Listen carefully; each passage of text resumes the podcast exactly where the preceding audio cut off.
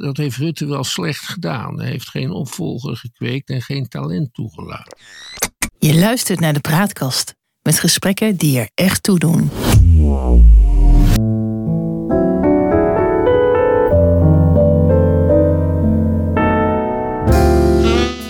Welkom bij de Praatkast.nl. Dit is een aflevering van het Geheugenpaleis. Mijn naam is John Knierim en samen met Han van Horst maken we deze podcast. De geschiedenis herhaalt zich nooit, maar rijmen doet hij vaak wel. En dat gegeven gebruiken we in het Geheugenpaleis om dieper in te gaan op de actualiteit. Om zo te ontkomen aan de waan van de dag en om tot de kern van het nieuws te komen. Hij gaat weg. Rutte. In Huizen van de Horst is de vlag denk ik uitgegaan, Han. Nou, hij ligt wel klaar, want hij is nog niet weg natuurlijk. Hij uh, blijft in ieder geval tot er een nieuw kabinet geformeerd is. En als dat Ja. net zo lastig gaat als de vorige malen, Ja. dan eh, wordt het wel eind 2024 op zijn best. Dus we zijn nog niet van hem af. Nee, zeker niet. Hij blijft nog premier. Eh, hij is wel een premier die verteld heeft dat hij weg zal gaan. En zoals mensen die in het bedrijfsleven gewerkt hebben of bij de overheid weten, zodra de baas zijn aftreden heeft bekendgemaakt, eh, verliest hij onmiddellijk aan relevantie. Ja, nou dat zal dan hier eh, waarschijnlijk ook gaan eh, gebeuren. Eh, een paar weken geleden hebben we een podcast over hem gemaakt. En toen zei je, ja, hij is alleen maar bezig met zichzelf aan de macht blijven. Het is geen groot leider, want hij ziet niet dat zijn einde nabij is gekomen. Heb je dat beeld inmiddels aangepast? Een beetje wel natuurlijk, want Ja. hij, hij laat wel zien dat hij uit het bedrijfsleven komt. En een, bedrijf, Hmm. een goede leider in het bedrijfsleven kan zijn verlies pakken. En ik denk dat Rutte tot de overtuiging is gekomen in het eh, weekend.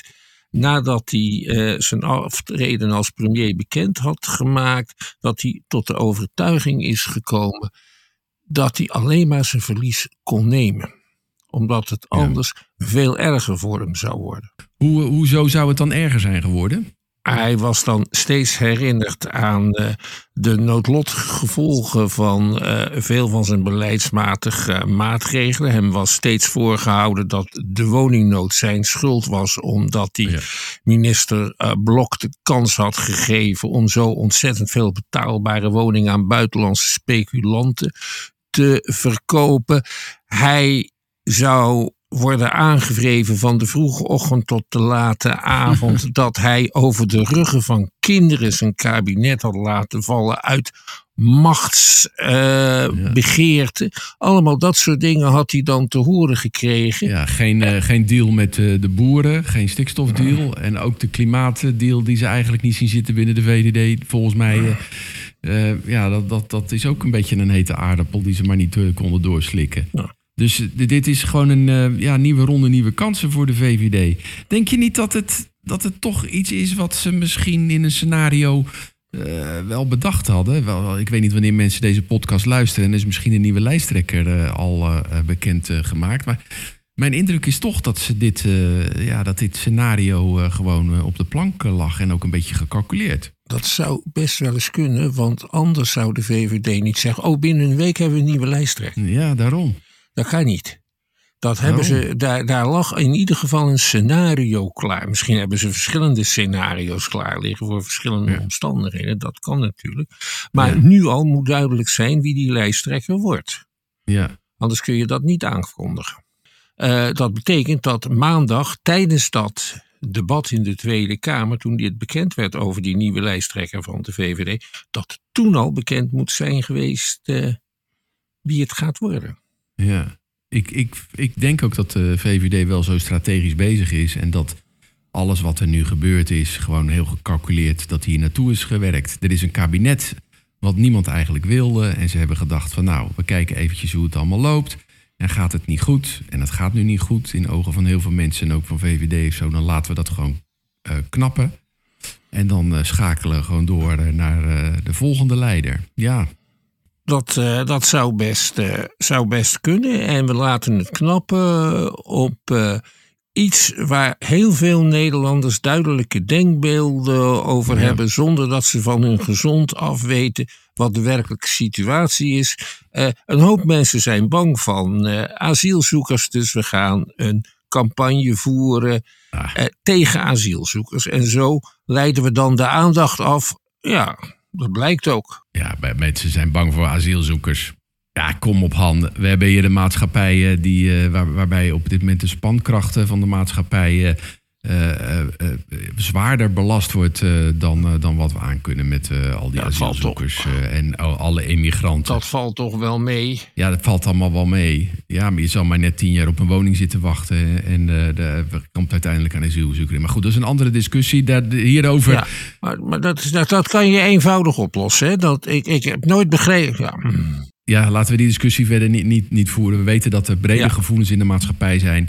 die vinden dat het met eh, de hele asielgebeuren heel anders eh, zal, eh, zal moeten. ja, en daar kan je de verkiezingen mee winnen. Ja, zeker, kan je daar zeker de verkiezingen mee winnen. Dat blijkt ook wel in allerlei andere landen zo. hey, da, da- dan, dan lijkt het erop dat ze toch tot een soort ja, smooth wisseling van de wacht gaan. Want wisselingen van de wacht in de politiek. die zijn altijd een beetje lastig. Dat pakt niet altijd goed uit. Eh, als we nou de geschiedenis induiken. ehm, hoe, wat voor, voor eh, reputatie heeft de VVD eigenlijk als het gaat om eh, machtswisselingen? Ja, eigenlijk als een, een, een niet ongezellige partij waar men van bier en bitterballen houdt om de clichés te gebruiken. En waar men op zachte wijze met elkaar omgaat. Omdat ja, de gezelligheid vaak belangrijker is dan het politieke principe. Dit in tegenstelling eh, tot de PvdA of partijen links eh, van de PvdA, waar men om ideologische gronden elkaar naar de keel grijpt. Lieve Ja. Mensenpartij is een beetje de reputatie. Toch zit er ook wel een soort hardheid eh, onder. En Ja. dat kan je ehm, een beetje zien al aan de stichtingsperiode van de VVD. Ja, want wat niet veel mensen weten is dat het eigenlijk voortkomt uit, eh, uit eh, de Partij van de Arbeid. Ja, hè? althans eh, voor een gedeelte. ja. Ehm, vertel. Na de Tweede Wereldoorlog, in de eerste maanden na de bevrijding, heerste er in Nederland een enorm idealisme. En het was ook een tijd waarin ruimte leek te bestaan voor grote politieke vernieuwing. En je zou iets moeten hebben, zoals in Engeland, een grote rechtse partij en een grote, meer progressieve partij. De naam van die partij was de Nederlandse vertaling van Labour Party. Ja. Ehm, de Partij van de Arbeid. En daarin gingen op de oude Sociaaldemocraten, de SDAP. Een kleine linkse christelijke partij, de Christelijk Democratische Unie. En de Vrijzinnig Democratische Bond onder leiding van Pieter Oud. Dat was een vooruitstrevende liberale partij van voor de oorlog met een grote traditie die wel het nodige weg heeft van D66. ja. Maar oud is het, eh, was het zat op een gegeven moment. Ja, was het al vrij snel zo. Die vond Ja. namelijk dat hij geen hoog genoeg, eh, niet hoog genoeg werd aangeslagen in de PvdA. En hij merkte Ja. bovendien dat in de praktijk de allergrootste partner, de Sociaaldemocraten, de dienst uitmaakte. Dus begon hij een comité voor democratische politiek. En hij ging onderhandelen met een kleine partij met zes zetels in het parlement van 100 leden in Nederland in die dagen. Dirk Stikker, de leider van de Partij van de Vrijheid.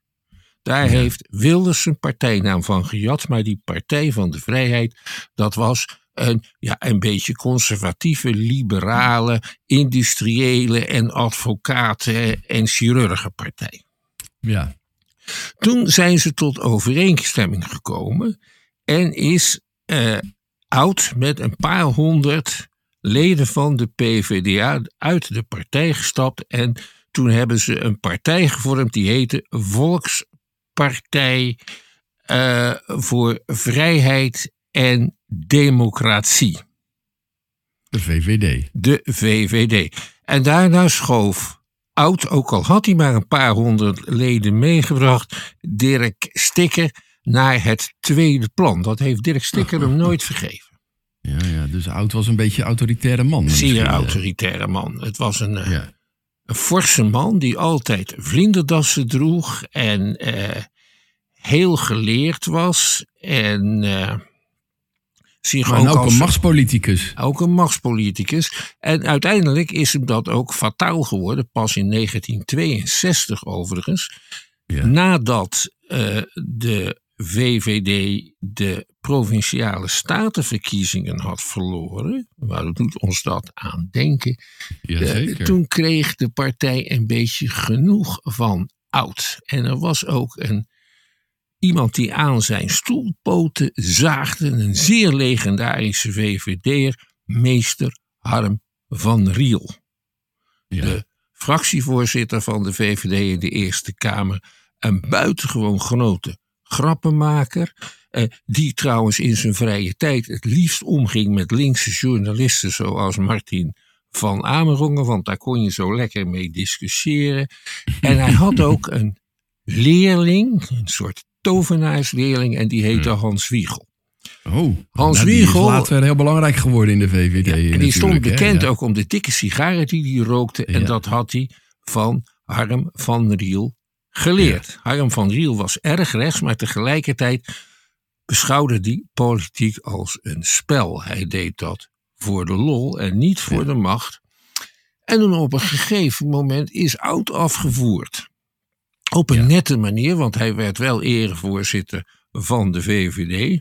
Dat hebben ze afgekeken bij de communisten waarschijnlijk. Er wordt ook altijd iedereen weggepromoveerd. Ja, maar dat gaat op een heel andere en veel naardere manier. ja, ja. Eh, dus hij is met eer beladen eh, op een zijspoor gezet. Op het moment dat hij zelf vond dat hij het eigenlijk nog wel een tijdje had kunnen volhouden. Dat geldt voor Rutte natuurlijk op het moment ook. Ja, die dacht ook, ik blijf misschien Ja. toch nog eventjes. Ja. Maar goed, dat was eh, Pieter Oud, de oprichter van de partij. En die werd dan ja, op, een, op een niet heel onaangename manier aan de kant eh, geschoven. Dat vond hij mezelf waarschijnlijk niet zo heel leuk. Nee. Nou kan je wel zien dat als eh, partijleiders bij de VVD over hun tijd zijn, bijvoorbeeld omdat ze een nederlaag hebben geleden, Ja. dat ze dan toch op een nette manier worden afgevoerd. Je kan dat eh, bijvoorbeeld zien eh, aan de man van, eh, van je bent jong en je wilt wat van het Veronica. Het Nijpels bedoel je? Het Veronica-liberalisme, Ed Nijpels.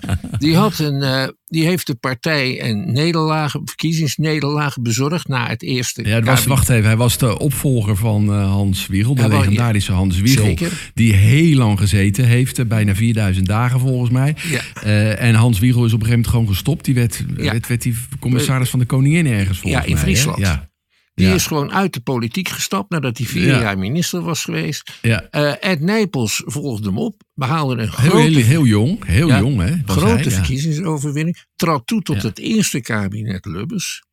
Ja. Daar was hij niet tegen opgewassen. En na afloop van dit succesvolle eerste kabinet Lubbers haalde Lubbers de electorale winst eh, binnen. Maar de VVD moest de rekening betalen. Toen is hij afgevoerd als minister.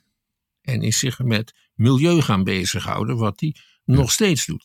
Dat is zijn opvolger, Joris Voorhoeven. Je vergeet de- nog iemand, Rudolf de Korte. ja, die zat er heel eventjes tussen. En dat, daar doen, dat, is nou, dat doen we niet ingewikkeld over. Te- tussen, tussen, tussen. en zo'n heel erg Ja. Ja. Joris Voorhoeven. Eh, die Een was hele ook deftige meneer hè, van Klingendaal. Ja, dat, eh, dat Strategisch professor. Onderzoekinstituut. Een pro- Ja. hele professorabele man. dat was ook een echte professor. Ja. eh, was ook geen politicus. eh, was ook geen jongen en je wil wat meer. nee, helemaal niet. Nee. als, als minister van Defensie in het eerste kabinet van Ja. Kok heeft hij ook rond Srebrenica niet zo'n geweldig grote rol gespeeld.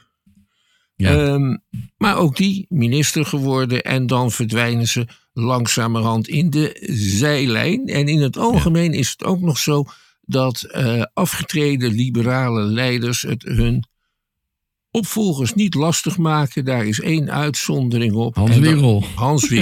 Ja. Ja, dat is de mastodont.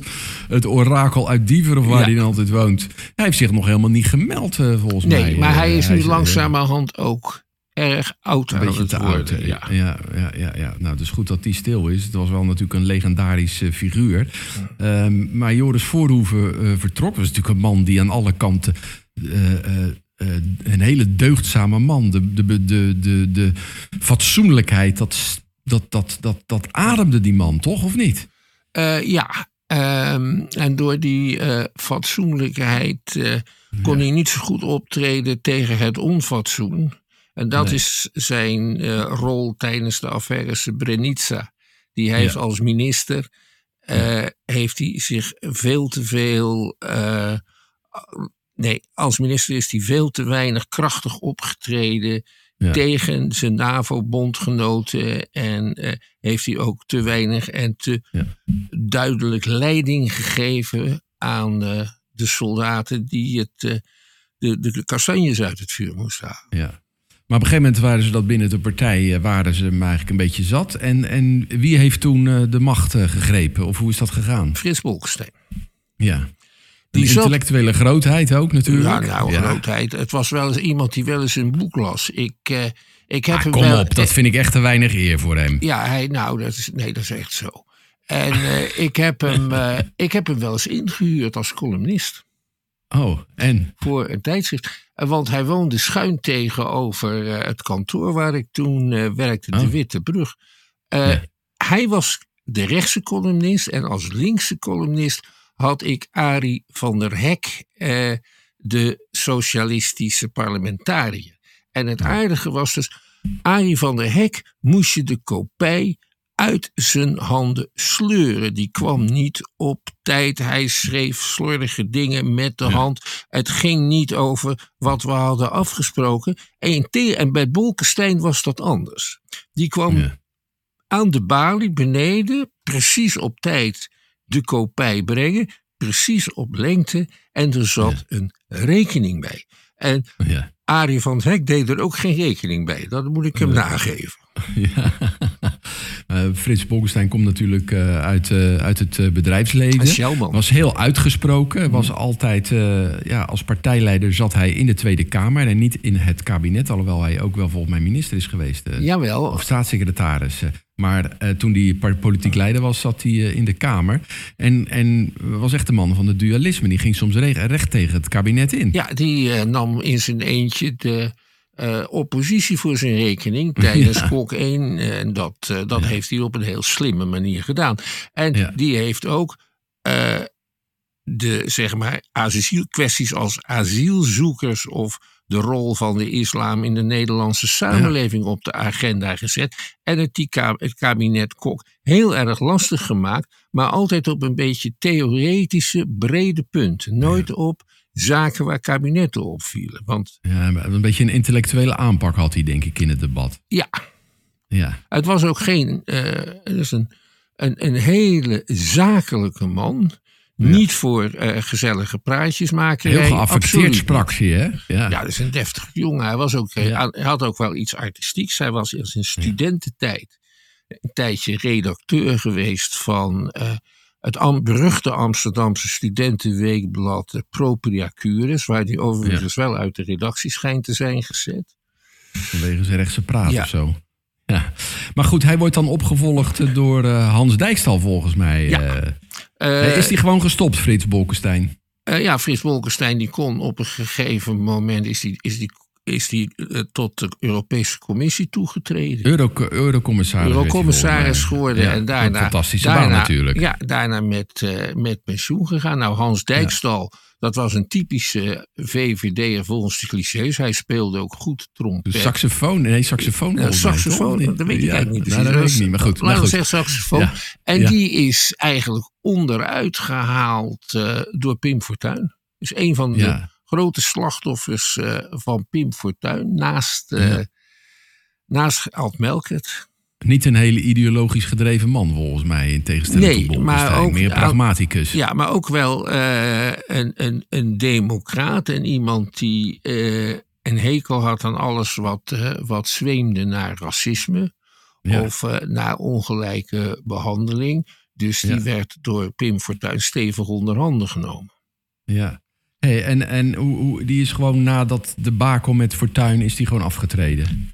Uh, nou, hij is uit de politiek uh, verder verdwenen. Toen is, heeft Gerrit Salmen een tijdje opgevolgd. Ja. Uh, een de, beetje tegen wil en dank natuurlijk, want dat is ja, helemaal geen man om een partij te leiden, nee. denk ik.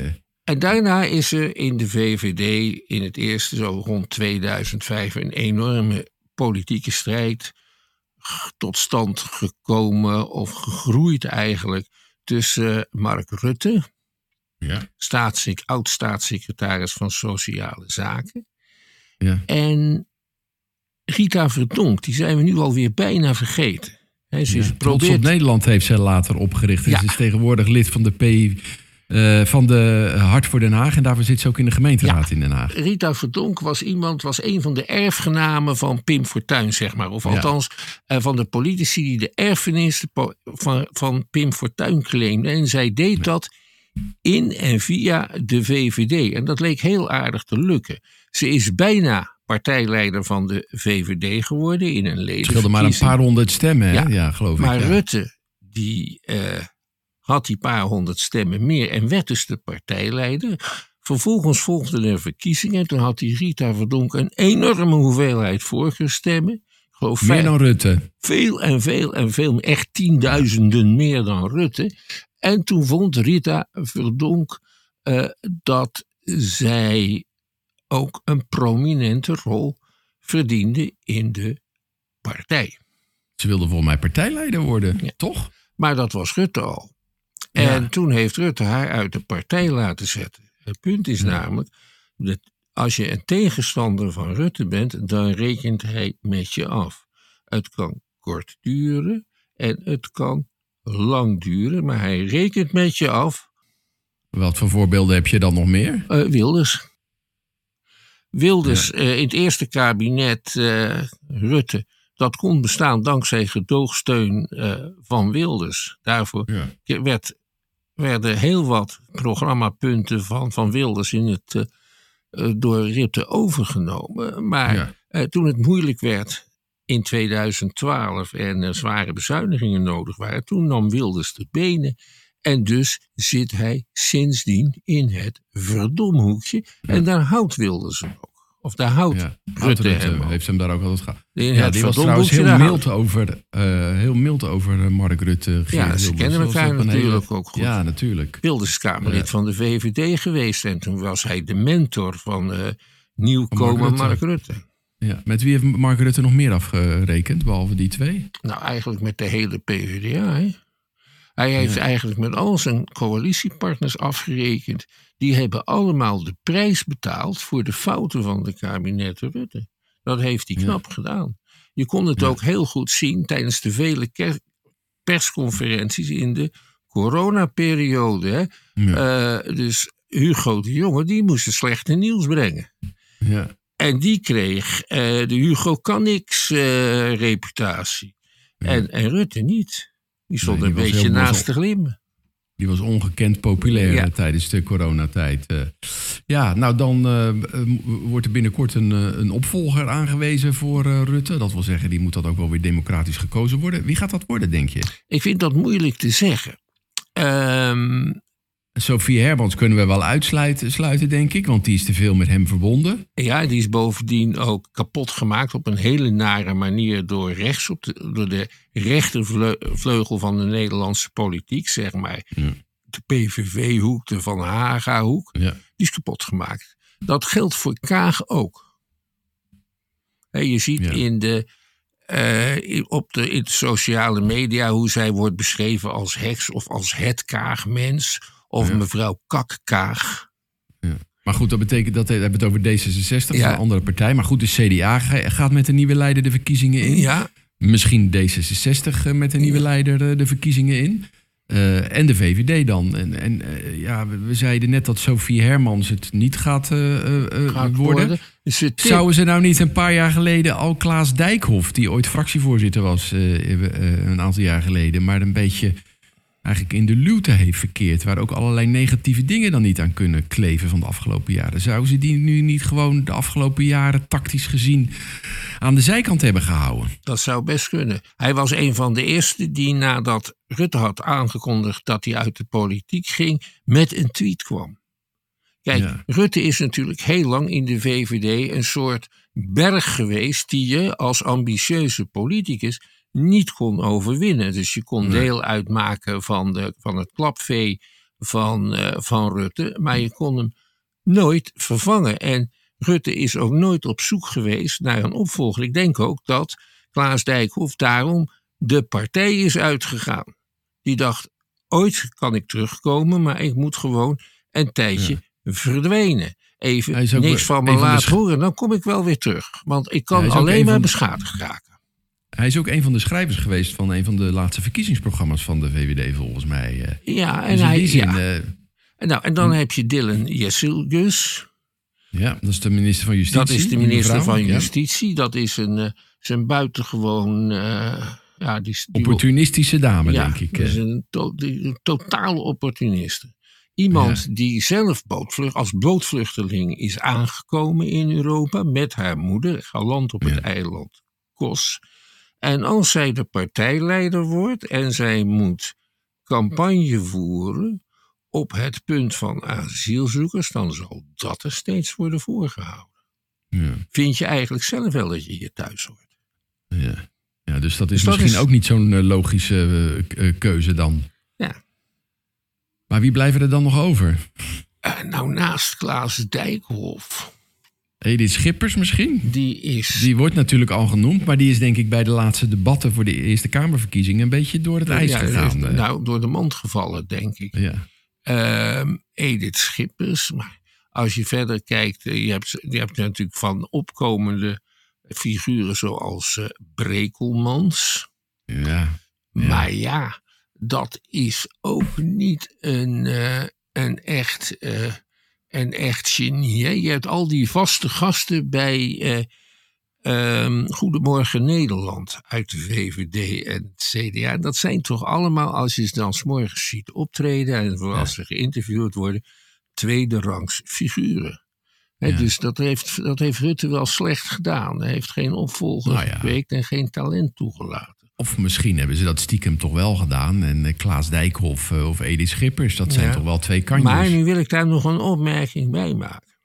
De hele Nederlandse politiek, niet alleen eh, de VVD, maar ook alle andere partijen, die beschikken natuurlijk over heel competent talent dat je zelden ziet.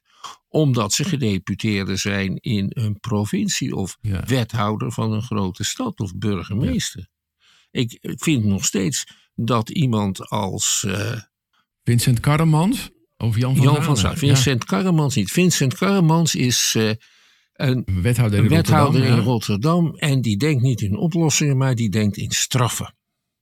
Oh, ja. Dus Vincent, Maar jij noemde Jan van Zanen, de burgemeester van Ja. Den Haag. dat lijkt me iemand die dat uitstekend kan, zoals, zoals hij de Haagse politiek bijvoorbeeld eh, in de, in, in, in de touwen weet te houden. Dat is, eh, dat is knap gedaan. Het is bovendien iemand met een grote sociale intelligentie en ook iemand Ja. waarvan ik denk dat hij heel veel weet op heel veel beleidsterreinen. Hij is ook burgemeester van Utrecht geweest, tenslotte. Die Ja. man zou dat kunnen. Oké, dan eh, hebben we er eigenlijk een reisje van drie. Edith Schippers, Klaas Dijkhoff of Jan van Zanen. Of de burgemeester van Dordrecht, hoe heet die ook alweer?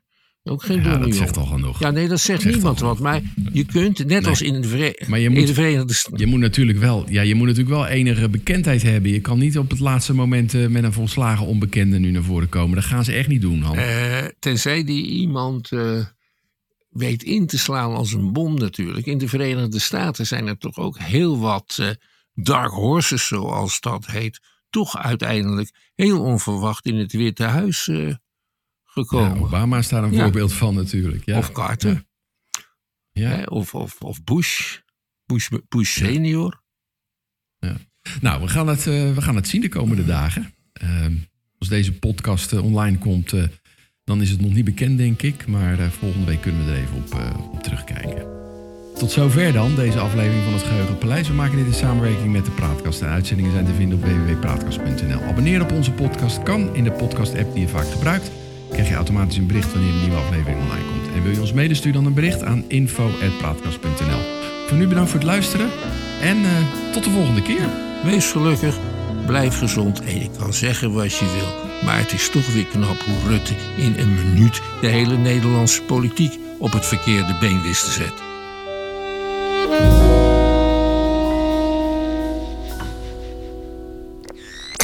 De praatkast.